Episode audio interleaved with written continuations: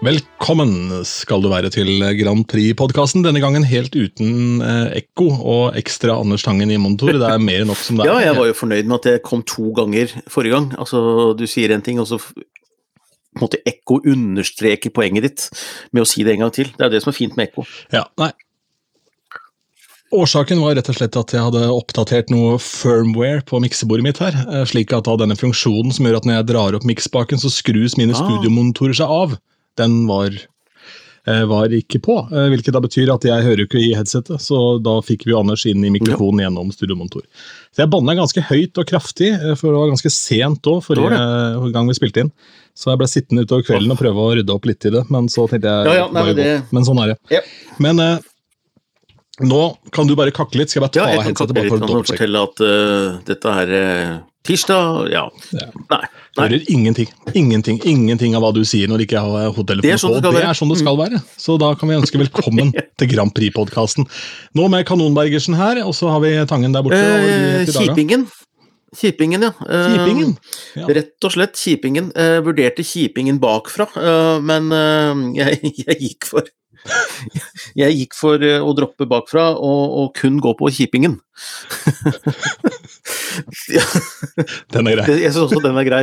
Uh, nei, men det var noe med det at uh, jeg har vært på uh, metallkonsert, uh, Rammstein, og det var egentlig et litt sånn spontant påfunn og heiv meg rundt og spurte på Facebook om noen hadde billetter, og det er det jo nesten alltid. Altså, hvis du har lyst til å se noe, så Og jeg slapp å betale noen svartebørs og sånn, så det var veldig fint. Rammstein er jo et uh, industrimetallband fra Tyskland med masse raketter og pyro, og jeg eh, ble anbefalt dette veldig av Stig Karlsen etter konserten på Ullevål stadion i 2019, fordi de har bl.a. samme scenograf som Eurovision pleier å bruke. Ikke i år, da, for da ville jo italienere greie seg sjøl, det gikk jo kjempebra. Eh, Men For du så det på den Ramstein-scenen? Det var ikke antydning til noe vann. det var lite vann, selv om det kunne se ut som en ubåt eh, som lå i dokk. Men bortsett fra det, så Og, og, og så leser jeg også en anmeldelse av deres siste skive, eh, Sight, eh, hvor eh, anmelderen i Aftenposten skrev om uh, ei låt som het uh, Jeg husker ikke navnet på den, det er ikke så farlig, men i hvert fall så hvor det sto at eh, dette, dette riffet, synt-riffet, kunne vært hentet rett fra Eurovision. Og da hadde jeg altså to Grand Prix-referanser til et undergrunnsband fra Tyskland som egentlig ikke har noen radiohits. De har så vidt jeg vet ingen låter på noen hitlister, men som likevel som det største selvfølge lager den største konserten i Norge. Så jeg tenkte dette må jeg få med meg, selv om metal ikke er min sjanger. Og jeg ble jo blåst av banen. Men jeg er jo sånn som av og til går på sånne ting aleine, for jeg orker ikke drive og mobilisere masse greier for å få jeg har bare lyst til å gå og få med opplevelsen, så treffer jeg alltids noen. Det er på en måte mitt sånn motto. Men når du fyller uh, Bjerke Tramoen med 60 000, så var det masse folk jeg kjente, men vi er jo ikke der vi skal være samtidig. Så jeg traff jo ingen kjente, så jeg sto der og måtte ha noe på øret, for uh, jeg er ikke metallfan i utgangspunktet, men det gleda meg til konserten. Men de spilte jo litt metall på forhånd, så jeg tenkte jeg må ha noe på øret. Så jeg sto der og hørte på Stumpa, eh, som er som, som er gammelt radioteater fra 50-tallet. Um, som jeg husker fra barndommen. Så jeg sto der under hele oppvarmingen og hørte på seks episoder av Stumpa på Rammstein-konsert, og kjente det er spesielt. Du er en rar, rar, rar mann. Altså, det er eh, Altså, Hadde folk visst det, hadde blitt sendt rett ut, rett på galehus. Altså, Det hadde åpna veien igjen for deg. Bare rett ut. Altså, Ja, nei, det var, men det var Det hadde plassert deg Det var en kamerat av han som bor over meg her, som, eh, som jobber som kusk der oppe, så han hadde tilfeldigvis den dagen vakt for å passe Ja, på at hestene hadde det bra. Hestene likte metall Ja. for øvrig, de slappa helt av. Eh, han likte visst metall, han òg, for det var mye snapper fra konsert, ikke så mye av hest. Så de hadde plassert deg inni der, tenker jeg. Ja, nei, er, men, men jeg sto jo ikke Det er jo sånne hvite propper som jeg har på meg nå når jeg prater med deg, så det er ingen som egentlig ser hva jeg hører på, selvfølgelig. Men eh, jeg burde kanskje hatt en liten sånn plakat som består 'Jeg hører på Stumpa' akkurat nå. Eh, Det gikk egentlig et lite stykke inn i oppvarmingen også, for det var bare noe sånn pianoræl. eh, Som jeg tenkte at da var det morsommere å høre på Stumpa lager museum. Det var noe med noe sånn oldtidsfunn Og Prosjekt Drops. Nei, altså, Ja, men den er grei. Men, men eh, grunnen til kjipingen det, det er litt fordi at du står på en sånn konsert og betaler 1000 kroner, og folk som er superfans og vil bare suge til seg stemningen, så er jeg så ignorant at jeg står og hører på Stumpa. Jeg ser det, at jeg da er kjip og jeg er gammel, men i tillegg så eh, var det sånn at dassene på denne konserten var plassert så utrolig langt bak, samla. Sånn at hvis jeg måtte på dass, så måtte jeg liksom gå gjennom alle og miste den plassen jeg hadde, som var egentlig veldig ålreit. Så jeg har sånn konsertblære, det er jeg veldig glad for, så jeg kan egentlig bare si til blæra, etter at den begynner å tenke på å pisse, så jeg glem det. Det blir ikke noe pissing på deg før dette her er over, bare glem det. Så jeg kan slå av blæra mi, rett og slett. Og så var det langt å gå til baren også, jeg stoppa egentlig all tørst og hadde lyst på alt, så jeg sto der egentlig bare og var litt sånn kjip, sto sju timer pal fast og hørte på Stumpa fram til konserten starta. og da, og da er, starter konserten med at uh, Rammstein sier eh, på veldig respektfull måte, hvor de ber folk ikke om å filme eh, eller ta opp mobiltelefon under konserten av hensyn til de bak. Og det sto et veldig forelska ungt kjærestepar rett foran meg, og det første de gjør er å begynne å filme. Og jeg da, veldig edru og i litt sånn 50-tallshumør, blir da litt sånn han moralisten som står bak og sier 'unnskyld, skal du filme lenge?' Jeg blei han, da. Um, Nei, da er jeg snart ferdig. Og så begynte kjæresten, og, kjæresten hans å filme, og da er det rett på henne. Og begynne å bli litt sånn kjip med henne bakfra. Da, sånn, ja, da står det og filmer veldig, det er veldig irriterende. Og det var ikke nok med det, men etter hvert så begynte ei annen dame fra nordlendingdame som sto ved siden av meg, som minte veldig om en karakter fra det gode, gamle borettslaget. Minte litt om hun Linda Johansen som sto der med sigaretten i kjeften. Og der var det jo vinflasker. Altså De solgte vinflasker til 550 kroner, og folk sto der med vinflasker i den ene hånda, røyken i den andre, og hun gjorde sånn. Og sto der altså og skravla gjennom hele konserten, og høyt høyere enn uh, noen kan spille, egentlig. Uh, så jeg så vel litt kjip på henne også, så snudde hun seg bare sånn ja, nei, du vet åssen det er, vi liker å skravle litt, vi vet du. Så hun liksom smaker sånn, det forklarer det hele. Så Problemet er jo størrelsesorden på den konserten, for det er for mange mennesker. Du får et for stort utsnitt av Norges befolkning, så du får jo da Skravle-Linda. Eh, og så får du, altså Filmerne de er jo der uansett, da, og i hvert fall på Ramstein, for det er så utrolig mye visuelt som skal oppdages. Men for de som eventuelt hører denne podkasten apropos visuelt, da, og ikke har hørt om Anders Tangen, ikke vet hvem han er, som har kommet inn her via meg f.eks., så er det jo sånn at uh, det er kjipt å få en kjempehøy person foran deg på konsert, men på konsert for Anders er alle kjempehøye. Ja, alle er kjempehøye, og i hvert fall når du da tar opp mobiltelefonen. Og jeg hadde selvfølgelig Jeg står og hører på Stumpa, og hva er det han som hører på Stumpa fram til konserten min, hva er det han har foran, liksom på magen som begynner å bli litt så stor? Hva er det han har hengende foran der, tror du? Teaterkikkert.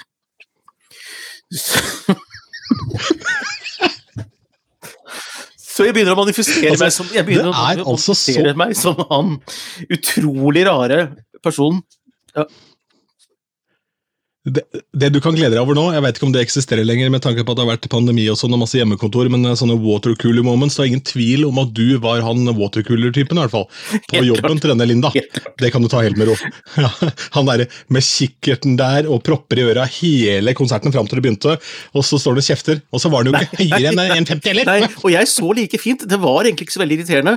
Og, og jeg var ekstra kjip, fordi eh, da de hadde stått og filma litt, og de fint hadde lukket telefonen, så tenkte jeg nei, jeg må jo ha litt minner derfra, jeg. Så jeg begynte å filme, jeg òg.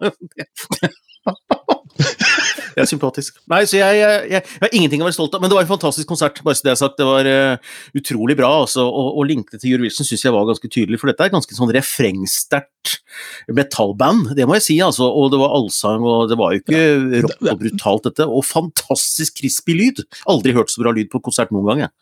Ja. Det er, derfor, ja, det er derfor det funker, du, fordi det er disse refrengbaserte tingene. Det hadde ikke funka om det var eh, sånn brølemetall. Eh, med, det er den industribiten, og så er det de ja, igjen da, hookene som har vært innom, og så er det selvfølgelig produksjonen som er helt enorm. Og for de som eh, var på Ramstein i går, det har jeg inntrykk av at det var hele Norges befolkning, for jeg var jo ikke der, og satt og fulgte at det er via de der eh, filmerne.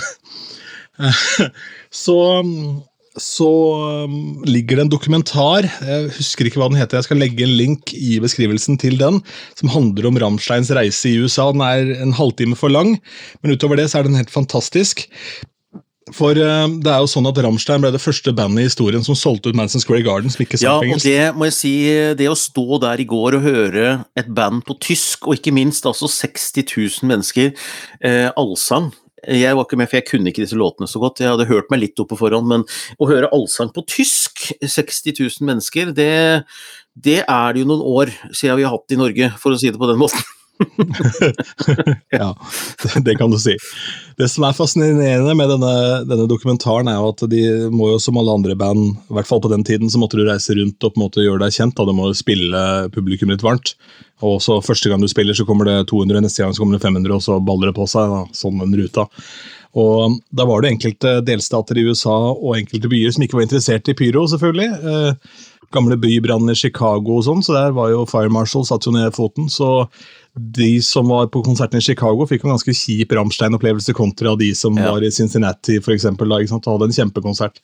Så det var ganske fascinerende, så den bør du eh, ta Ja, en titt kikk på. hvis du... Ja, det høres kult ut. Og Tille Lindemann han er utdanna pyrotekniker sjøl, så han gjør jo mye ting sjøl som han har lov til å gjøre, for du skal jo ha lov til å håndtere fyrverkeri. Han kan jo gjøre masse ting på scenen fordi han har den utdannelsen han har, og det er jo ganske kult at han flyr rundt med en flammekaster og koker keyboardisten sin som står oppi ei gryte. Det er jo veldig gøy. Det eneste er at det var bare jeg som så det med, fordi jeg hadde teaterkikkert. Eh, fordi de viste ikke så veldig mye på storskjerm. Ja. Så, så det, det, grunnen til at jeg så det Og da var det ei tøff ung jente fra Sørlandet som sto ved siden av meg, som kanskje var 16-17 år, som bare kom bort og spurte kan jeg få se litt i kikkerten din, sa hun. Eh, og vi skal ikke ta noe overført betydning av det, men eh, hun eh, fikk låne kikkerten min, hun, og fikk sett litt. og hun jeg tror nok hun kjøper seg en teaterkikkert. for det, det er, vi- kan le litt av det, men det var faktisk et genuint eh, Det var et genialt lite verktøy, altså. Det må jeg si. Mm.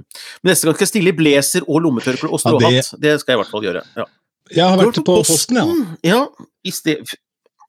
ja. Eller vi kan jo aller først ta at jeg har vært i Wien og ikke ja, sett fordi Pearl det var Jam. det du skulle. Ja, Jeg skulle til Wien og se Pearl Jam, kjøpte billetter for tre år siden, og så er det andre gang i historien altså, hvor eh, Pearl Jam kansellerer pga. Eddie Weathers oh, ja. helse, for de spilte i Paris eh, tidligere denne uka, og, eller uka før, og um, der var det hetebølge som eh, overalt resten i verden, og i tillegg så, eller i hvert fall Europa eh, på den tida, og så var det skogbranner, så røyk, eh, støv eh, og varme ødela stemmebåndet hans. Så de kansellerte tett på konserten samme dag, så det var veldig kjipt. Men uansett, får ikke gjort Nei noe med det. Så, eh, sånn er det. du får jo sett mye annet og får reist en del rundt omkring. og Det, eh, det som er litt trist, da, er at eh, du må reise, altså vi må jo reise så mye for å få med oss konserter. fordi det slo meg i går, og det har jeg sett litt eh, debattert i avisen i dag, at det er jo ikke noen sånne store arenaer som er selvfølgelige i Oslo-området lenger, og dermed kanskje egentlig ikke helt i Norge, som har publikumsgrunnlag nok til sånne svære, svære konserter. Bjerkebanen funka, men de har jo bundet seg opp til én arrangør, eh, All Live Event, tror jeg det heter. Og de All Things Live, ja. Eh, Things De Live, har ja. bundet seg opp til kun dem. Eh, og um, Byrådet i Oslo jobber nå med sånt der grustak oppe ved Grorud der, og en eh, fotball-cricketbane i, også i Groruddalen, eh, like ved Furuset som alternativ, men det tar litt tid å etablere det. da, så tenkte jeg, Det er synd da, at vi liksom ikke kan se Lady Gaga eller Beyoncé i Norge, og at vi har noen arenaer som er naturlige. Ja, eller de som er ute nå, er Ja. Coldplay, Ed Sheeran Uh, alle disse her som ikke nå dukker opp i, må vi i Norge. plass. da, jeg merker det at, det at jeg var på Rammstein, jeg er ikke Rammstein-tilhenger fra før, men jeg merker liksom at når jeg går i Oslo nå og ser en med sånn Ram, Rammstein-T-skjorte, så får jeg litt sånn følelsen av at jeg får lyst til å nikke litt og si hei, jeg er litt i samme gjengen. Han trenger ikke vite at jeg sto og hørte på Stumpa. Altså, jeg, jeg, jeg var jo der. Nei, det trenger han absolutt ikke. Det. Nei, for det blei jo litt sånn eh, ble jo litt sånn Ja, tankefull her nå, eh, og bladde meg tilbake til ja. Valle Hovin. Og her er det altså 1987, da, så har vi jo besøk av Tina Turner, Deep Purple, Status Quo og Prince på samme året. Året etter så har vi Bruce Springsteen, Pink Floyd, Tina Turner igjen i 90, Rolling Stones gjør en dobbel i 90. ikke sant? Det er jo Ja, og det var, der jeg, der. det var der jeg på drev og banka på de fleste stadionkonserter og jobba, sånn som du gjør nå. Eh, var bitte litt yngre enn og fikk jo gjestepass da, til flere konserter. og Fikk se Michael Jackson to ganger på Valhall. Var der du sto på stadion og hørte Stumpa for første gang? Glemmer det aldri. Men jo, la oss ta noe annet veldig spennende. Ja. Jeg har vært på butikken, for jeg hadde fått en Posten, rekommandert mm. Pakke. Post i butikk. Posten, ja. Post i butikk er det nå. Eh, og da, jeg har bestilt en hel haug med forskjellige ting og tang. ja, sånn Strømforsyninger til litt sånn miksebord og sånn. Eh, og så var det én ting jeg bestilte som jeg ikke følte var spesielt viktig, og det var jo selvfølgelig det som kom rekommandert, og det var jo en hel haug med, med disse. Glow sticks! Ja! Riktig. Ja, og derav linken til Eurovision. Dette her er altså glowsticks uh, i ja. skumgummi. Foamsticks kalles de. Uh, og tanken min er jo da bare å hive disse ut til publikum i et bryllup eller et event, eller et eller annet, og så blir det mye Ja. kulere bilder. Så de er altså sendt fra Kina, Ja, ja. til meg. Det var ekstremt viktig at ikke disse, Anders Tangen og alle der ute, Nettopp. havnet i noen Ja, andre men jeg ser at dette er verdisaker. Eh, dette er Rolex-ur i en liten eske, altså. Eh, men de var jo kule, de der, der da. Eh, jeg så på konserten i går, så trodde jeg det var noen slags type glow sticks, men det viste seg å være sånne tårn med vinglass som du stabler fordi du får pant vet du, for dem. Ikke sant? Sånn, tror jeg. Uh, ja. Eller i hvert, fall, i hvert fall kunne bytte dem inn mot Ja, det var betalte 20 kroner første gang du kjøpte vin, og så Det er- ja. Depositum-variant, ja. Stemmer. Men det har kommet Grand Prix-nyheter, og så Ja. må vi hive oss over det. eh, For eh, det ikke mange vet, er jo det at eh, nå er jo vertsbyen for neste år, eller ikke vertsbyen, men vertslandet er annonsert, eh, og det blir jo faktisk da pauseunderholdning med sjølveste Stumpa der, så det er bare å glede seg. Det blir UK. Vi, Det blir UK. Det, det var jo nesten sikkert sist vi snakka om det, husker jeg. Eh, og, eh, men nå er det offisielt at det blir eh, UK.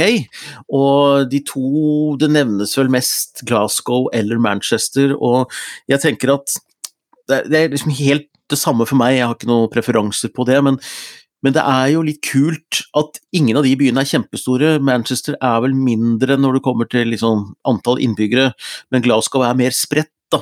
Men jeg tror at Eurovision skal kunne greie å fargelegge begge de to byene på en ganske god måte, som de egentlig ikke greide så godt i Torino, for det var så stor by. Da drukner det i det store sammenhengen. Så det er for meg litt viktig, at det er en by som kan være så stolt av dette at hele arrangementet preger byen. da. Ja, og sånn som Manchester med to svære fotballklubber og sånn, har jo også logistikken, hotellkapasitet, alle disse tingene her er jo på stell. Eh, Glasgow har jo også det, selvfølgelig, og det er jo ekstremt eh, viktig. Jeg var inne for moro skyld og kikka, litt på lista over de finalene som har vært i England, for å se da hvilke finaler som ikke har gått til London. Um, og det var eh, 72, Ja. så var det Edinburgh, Stemmer. Og så var det Harrogate i 82. Harrogate var kjempegøy, eh, med Jahn Teigen og, eh, og Adjø. Og hvis ikke jeg husker helt feil, eh, nå får Grand Prix-historikere arrestere meg, det er ingen som kommer til å gjøre det, men eh, da har jeg sagt det, eh, så tror jeg at han René James Herrile, som var professor i engelsk, han ville jo hjelpe han som hadde fått null poeng i Grand Prix, nemlig Jahn Teigen, eh, til å vinne Eurovision. Så han kom jo opp hit i et sånt underholdningsprogram med daværende programleder Harald Tusberg og sa liksom at nå skal vi lage en ultimat vinnerlåt. Eh, og de brukte datamaskiner, eh, som da var helt nytt, og litt sånn kunstig intelligens. Og han la inn elementer fra alle vinnere da, og det blei til låta Adjø. Og den konkurrerte jo i Harrogate, og så vidt jeg husker, så var René James Herrile, som er en av låtskriverne til Adjø, fra Harrogate. Så Men jeg er ikke sikker. Mm. Ja, riktig. Det Nei, og det gidder vi ikke, eh, Nei. å google oss fram til heller. Eh, I 98 så var det i Birmingham, ellers har alle finaler i England vært i London. da. Så det er jo kult nå at eh, London på en måte ikke er nevnt, selv om det er jo det er jo en by det er ganske enkelt å få til mange store ting i. Ja, og London var den byen tidligere, da de drev og solgte seg inn, så brukte de som argument at de var veldig klare for å gi denne plassen til Ukraina. Altså De var tydeligst i at dette skulle være et ukrainsk show, men de kunne godt ha det i London. Og jeg tenker at når du er så svær og du har så sterk identitet fra før som London har, så kan de lett være veldig rause og si at ja, nei, men vi er teknisk arrangør, og så kommer Ukraina, og så får de låne våre venues og infrastruktur og sånt noe. Når det kommer til Manchester og Glasgow, så er det selvfølgelig mer fristende for dem å selge byen sin, kanskje, fordi det er mindre by og mer sånn lokal identitet og sånt noe. Men vi skal jo huske det at neste års Grand Prix er jo på fremmed jord men, i forhold til vinneren, men det er jo Ukraina som skal skinne, da. Ikke sant. Eh, det er jo det. Eh, så det må liksom både Manchester og Glasgow tenke på. Det kan også tenkes at Ukraina er fornøyd med å få litt hjelp der, at ikke de vil ha hele det sjauet også, for det er masse arbeid som skal legges ned. Og det er jo det er ikke bare bare å være ukrainer. Nei, så det kan, kan jo tenkes at de, at de, løser det på en ganske kul måte uansett. Ja, jeg, jeg, er ikke redd for det. Jeg, jeg, jeg tror det blir bra, jeg. Ja. Eh, men det blir nok ikke helt som når Hvis Australia vinner, så må jo arrangementet være i, annen, i et annet land. Men da er det så opplagt at det er Australia som har vunnet. Og det er jo Ukraina har vunnet nå også, men eh, men omstendighetene er så spesielle at det blir nok litt mer sånn koproduksjon, eh, hvor eh, selvfølgelig også byen må få lov til å skinne. Eh, jeg veit ikke hvilke vennskapsbyer Ukraina har i har i England, men det som slo meg var at det, skulle ikke forundre meg, ja du kan jo google det, det skulle ikke forundre meg om det kunne være Glasgow eller Manchester. Det hadde jo for så vidt vært en link da, som er spennende nok. Ja, så var det det, da. Norske vennskapsbyer er jo lett å finne, men eh, ja, nei, nei, ikke ok, koster meg, tror jeg. Men det, det, kan du google sjæl, kjære lytter. Det fikser du. Dette, dette ordner du. Ja, så kan du sende oss en melding om det. Til hei at Grand Prix Pod. ja. ja. Og så tror jeg, tror jeg, du overtenker det kraftig med vennskapsbyer. det, det, det, det tror jeg også, men det eneste er at han Lavrov, vet du, han der sjarmklumpen fra Putins regime Jeg kjenner han har jeg har lyst til å ta en kveld på Dublin med og sitte og drikke øl og kose meg litt. Det, høres, det blir så jovialt. Ja. Snakke om noe gammel stumpa? Nei, men han har vel snakka om at, eh, at, eh, de driver og søker, de driver og oppretter sånne vennskapsbyer rundt omkring, med russiske vennskapsbyer da, rundt omkring i Europa. Så ja, lykke til med det. Ja. ja. ja det, ønsker, det, ønsker, vi lykke til med, for det er bratt bakke akkurat nå. Ja. Mm. Ellers så må jeg, ellers må jeg Ja, ja unnskyld, jeg, bare snakke, jeg skal finne en sak her. Ja. Ja, ja, nei, det var eh, det at det er jo andre ting som skjer også i, i Grand Prix i verden. Det er jo, um, det er jo um, sånn at Subwoolfer er ute med ny nei, musikk. Det, det det? Det, det stemmer også, absolutt. Og, eh, eller ny og ny, vi har jo mm. snakket om det før. altså Moll og Cotton. Men så så, så en dagbladoverskrift hvor det sto sånn 'Subwoolfer sliter'. Fordi det var snakk om da den der oppfølgeren, ikke sant. Uh, og da hadde de funnet fram at den er jo, den er jo spilt av bare 850 000 ganger på Spotify. Og så slo det meg at er det det er kanskje det, Jeg skulle egentlig bare spørre deg helt åpent. Er det å slite? Eh, fordi jeg syns jo De er ikke så verst tall, bortsett fra at uh, Give That for Banana selvfølgelig har blitt uh, uh, lasta ned, eller strømma, da, nesten 30 000 ganger, ikke sant? Ja. Så hva tenker du? Er, er, det dårlig, liksom? Eh, altså, eh, ja, For det første så må rett være rett her. Dette var VG, og det var Thomas Talseth, som er jo notorisk kjent for å skrive litt sånn negative artikler. Jo, han har vel aldri hatt en positiv vinkel på en sak han har skrevet noensinne. Uh, og det er ganske godt dekka det oppgjøret som Artist-Norge hadde mot han, uh, hvor Christer Falk sto i bresjen. selvfølgelig, Det er han som, han som starter de aller fleste kampene. Han er ja, på en måte ja. fotsoldaten. Ja, ja. Uh, han fikk så øra hang av Tone Damli, blant annet. Det kan dere google dere fram til det også. Men alle andre norske band som hadde holdt på like lenge som Subwoolfer, hadde vært kjempefornøyd med 850 000 strømminger eh, på såpass kort tid, men så er det jo et eller annet med det at uh, du har det vanvittige lokomotivet som Eurovision er i ryggen, med da den låta som delvis gikk ordentlig viralt og strømmet masse og ble en stor hit. Så da må man jo se i sammen, altså sammenligna med det. da, og Det var jo det samme som hvis man ser på en plate med Robbie Williams. da sier å, det er en floppa, han solgte bare fire millioner. Oh, ja, det var for ja, den forrige solgte 18. Det er akkurat det, så alt er jo relativt. Og hun Amanda Tedfjord, som jeg helt åpent sa at jeg fikk litt crush på under eh, Eurovision, så fikk jeg nevnt det òg, men eh, hun hører sikkert ikke like mye på stumpa som det jeg gjør. Men uh, hun, hun, har jo på oppfølgingssingelen sin solgt, uh, eller blitt spilt 124 000 ganger på Spotify, ikke sant. Så uh, ja. Er, de, de, er jo ikke aleine om at andre singelen går litt, uh, går litt trådere, og jeg som du sier, jeg syns jo det i utgangspunktet er et godt tall. Hadde den debutert med den liksom Ingen hadde hørt om Superfur før, plutselig kom de med en eh, singel som på noen uker er strømma nesten en million ganger, så hadde jo det vært en suksess.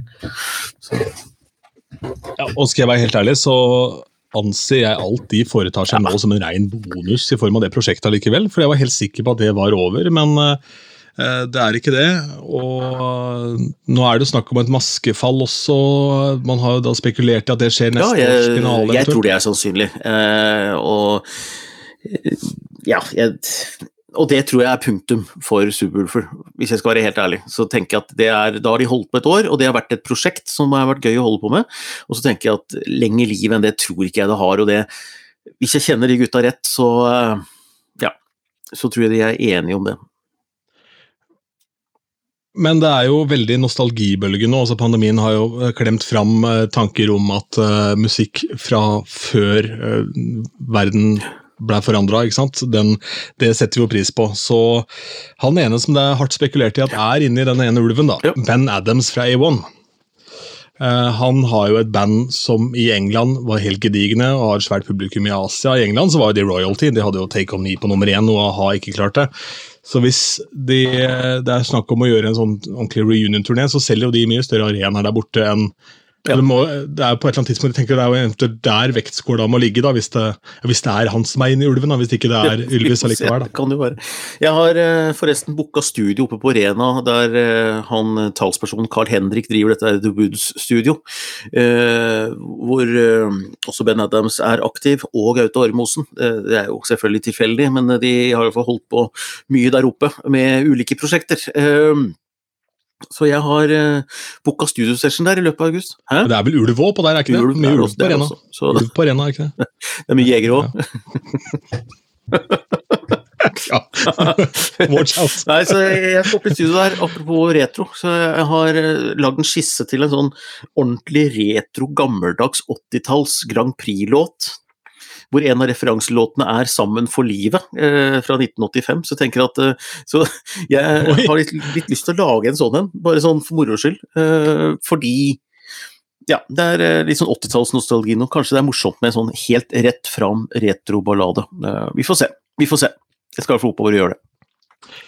Når vi er innom Amanda Tenfjord, så har det kommet nyheter i hennes leir også. Hun skal jo på europaturné, som rulles i gang neste år, eh, til våren.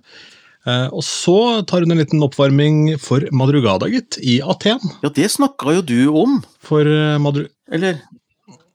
Ja, jeg sa at det hadde vært en god idé. Eh, og så kommer Madrugada og har hørt på denne podkasten, helt åpenbart, og tenker at det, ja, det er en kjempeidé. For de spiller på denne Det er jo altså den arenaen som var som var åsted for den aller første åpningsseremonien i de moderne olympiske leker. Der spiller Og- Madrugada. Amanda Tenfjord. Hun gjør support. Eh, og så må jeg få lov til å hovere bitte lite grann, for eh, jeg hadde en litt sånn spesiell topp ti som var litt annerledes enn det som lå an godt på oddsen og sånn på forhånd. Eh, du husker det? Og en av de jeg hadde i topp ti, var jo eh, Armenias låt Rosalind Snap. Og den er jo, den kom jo ikke høyt, jeg tror den kom på 18.-plass eller noe sånt nå i eh, Eurovision. Eh, men nå er den jo på hitlister rundt omkring i hele Europa. Jeg tror den ligger på åttendeplass i Norge på noen sånne lister nå. Og eh, pga. at den har tatt helt av på TikTok, så noe med Rosalind og Snap eh, må det ha vært også andre som har hørt enn bare meg. For jeg følte meg litt sånn aleine om å ha den i topp ti, men den eh, hadde sin plass. Vi kan legge ut link til den. Kan legge ut link til den. Ja, jeg var inne og, var inne og hørte to sekunder igjen nå, bare mens du prata her, for å komme, komme på den igjen. For det var det jeg egentlig skulle gjøre mens jeg var og henta den kjempeviktige pakka mi rekommandert. Uh, men ja, det, altså, det var jo ikke noe dårlig låt, det var vel bare at den falt litt igjennom der. Og sceneshowet var vel helt midt på tre. Og, Nei, det var jo papphus, ikke- pappmasjéhus, som ble litt sånn musikkvideoaktig og litt lite kontakt med publikum, kanskje. Men, eh, men eh, veldig fin låt. Jeg likte den veldig veldig godt. Men det var eh, veldig sånn radiolåt og passer kanskje bedre i sånne småformater som TikTok-videoer, radio og, og lytte enn en sånn stadionlåt. Det er ikke sikkert at det hadde funka på eh, på altså ja, Bjerke travbane eller andre store arenaer. Som, som support for Rammstein. Det sånn. Ja, vet du hva, det, det, Men- jeg hadde også en absurd tanke. men jeg hadde så en absurd tanke, og det var, jeg, bare, jeg husker jeg skrev Jeg tror jeg skrev det på Twitter også, at jeg synes det hadde vært så morsomt at Ramstein de har mye humor, og det hadde vært så morsomt at de hadde liksom bare booka Subwoofer som oppvarming. Altså bare som en sånn liten gag. Det hadde vært så utrolig raust, og gjort noe sånn helt ute. Ja, eller at de hadde Ja, kokt ja, ja. gryte eller noe. Det hadde vært mer sånn uh, i konseptet, men liksom det å leie dem som oppvarming ville vært sånn out of concept, på en måte, så det um, Ja, sånn ja. Kanskje bytte gryta bare ja, med ja, et vanlig ja, boblebad. da. Det kunne vært eh, litt ja, ja, ja. En sånn hvit sånn der, eh, holdt på å si Whirlpool. Det er en vaskemaskin. eh, det er vaskemaskin, men de, de, de, hadde, de hadde mye utstyr på scenen. Det var gryter, det var ei barnevogn som tok fyr, som det lå et lite barn oppi, ikke levende riktignok, men som vi så brant opp på skjermer. Og... Nei da, det var, det var mye å ta tak i der, altså, hvis du hadde teaterkikkert eh, med deg, sånn at du, sånn at du ser det. Eh, yes. Men dette var jo da ikke et problem på Ullevål. Der kom man jo tett nok på scenen. Eh, Det var jo riktignok mye mindre mennesker, selvfølgelig, og det var en helt annerledes arena. For utfordringen med en travbane er jo Ja. ovaliteten. ikke sant? Det blir jo en sånn ja, Det blir jo en sånn lang kladeis eh, framfor å være mer kompakt. De aller beste stedene å se konserter, da, sånn hvis du skal et sted og se noe innendørs La oss si du vinner i Lotto, og så skal du se favorittbandet ditt et eller annet sted i Europa. Og så kan du velge hvor, så gå for guds skyld der Ja. hvor det er ishockey som spilles. For der er det høyere, altså høyere tribuner, og du får mer trøkk ovenfra og ned mot det som foregår på gulvet. Og det er eh, by far, i hvert fall i min oppfatning, de aller beste stedene å se konserter. Eller sånne eh, utendørs amfier som er satt opp for det, som det er mye av i staten. og sånn, Der er det sånne store Kommer over en jordvoll, så er det plutselig Ja, plass til jeg, 40 eh, jeg sto jo på den bitte lille jordvollen som er langs sida der, på uh, travbanen der. Så jeg, det var derfor jeg ikke, det er derfor jeg slo av blæra og ikke kjøpte meg noe å drikke på sju timer. Eh, fordi jeg ville ikke flytte meg derfra, for jeg, jeg sto, men, men det står sju timer pal. Riktignok med stumpa og teaterkikkert, men det er slitsomt å stå i skrå bakke i sju timer sammenhengende. Jeg, jeg er så sliten i beina i dag. Støl. Men du, apropos Rammstein og Eurovision, du må legge ut link til låta Giftig, Gif, Giftig, fordi det var den som eh, Jeg tror det var Robert Hoftun Gjerstad i Aftenposten som anmeldte siste skiva til eh, Rammstein, og der var de som skrev at denne låta Giftig kunne liksom vært en Eurovision-låt, og jeg er enig, jeg hadde ikke stussa om den kom fra Finland i Eurovision, liksom. Jeg hadde ikke det. Det var altså så gøy, for jeg skulle jo snakke rundt uh, denne konserten, selvfølgelig. Jeg hadde søndagsåpent, da, og da var det jo allerede klokka fire var jo politiet på plass for å dirigere trafikk og greier. Så dette her var jo en viktig greie. Og ja, hvis du så på Snapchat i etterkant, så var jo hele Norge der, Ja. rett og slett. På den konserten, i hvert fall. Det jeg kjenner. Um, og da har Rammstein også en veldig fin greie som de har hatt gående på sin Facebook-side, hvor eh, dersom du skal på konserten og er blind, så kan du søke om å få en sånn tour of the stage, hvor du får ta på installasjonen og sånn. Eh, som synshemma. Så den saken snakka jeg om, da, så sendte jeg melding da, til min sjef Eirik Kjos og spurte du, Ramstein, er det mulig å spille noe av det på P1, eller? Hva fikk du til svar? Eh, Og det som er jævlig kult, er det at Eirik han er altså så opplyst på all mulig musikk, så han sier ja, ja, jeg har spilt Sight fra den nye skiva. Fantastisk låt, ikke sant? Eh, og så tenker jeg jøss, det er jo utrolig kult. altså Det var en rar følelse å kunne si ja, nå søndagsåpent, her er Ramstein. eh, er jo også en sånn Den kunne også vært med i Eurovision. Altså en sånn pompøs eh, ballade, eh, som for øvrig også er en sånn oppfølger til en annen hyllest de har til Seamen, altså eh, som i Sjømann. Eh, ja, Det- det kunne i hvert fall når det gjelder ja, Rammstein. De sto jo sprøyta en slags type sæd over alle publikummerne. Det syns jeg er en god gimmick, for det har du betalt de, de, de finere folka, da, fiffen, som betalte dobbeltbillett, de må gå litt sånn ydmyke ut med sæd i håret, på en måte. Det er jo selvfølgelig skum, da, men det er de som blir skumma ned, så du så jo De som, de som var, hadde skum i håret, de hadde stått foran. Så de er liksom ikke fullt så kule når de går ut, på en måte, som når de går inn. Men samtidig da har du jo Ja. et bevis på at de har stått foran, de har Ja, fått rocken til er i året. Nei da, men det var eh, det, Nei, men som sagt, jeg, jeg savna litt kontakt med artistene. Så, så, som du sier, det blir veldig avlangt, og jeg sto ganske bra til, ja, altså, fordi jeg så greit. Men hvis du sto bak der, så får du ikke mye kontakt. Du ser den her maskina som surrer og går ikke sant, med pyro, men det er få ansiktsuttrykk fra Tiller, og det er synd, fordi at han er så Han ligner jo på en blanding av Christian Valen og Charlie Chaplin når han beveger seg. Utrolig merkelig fyr, altså.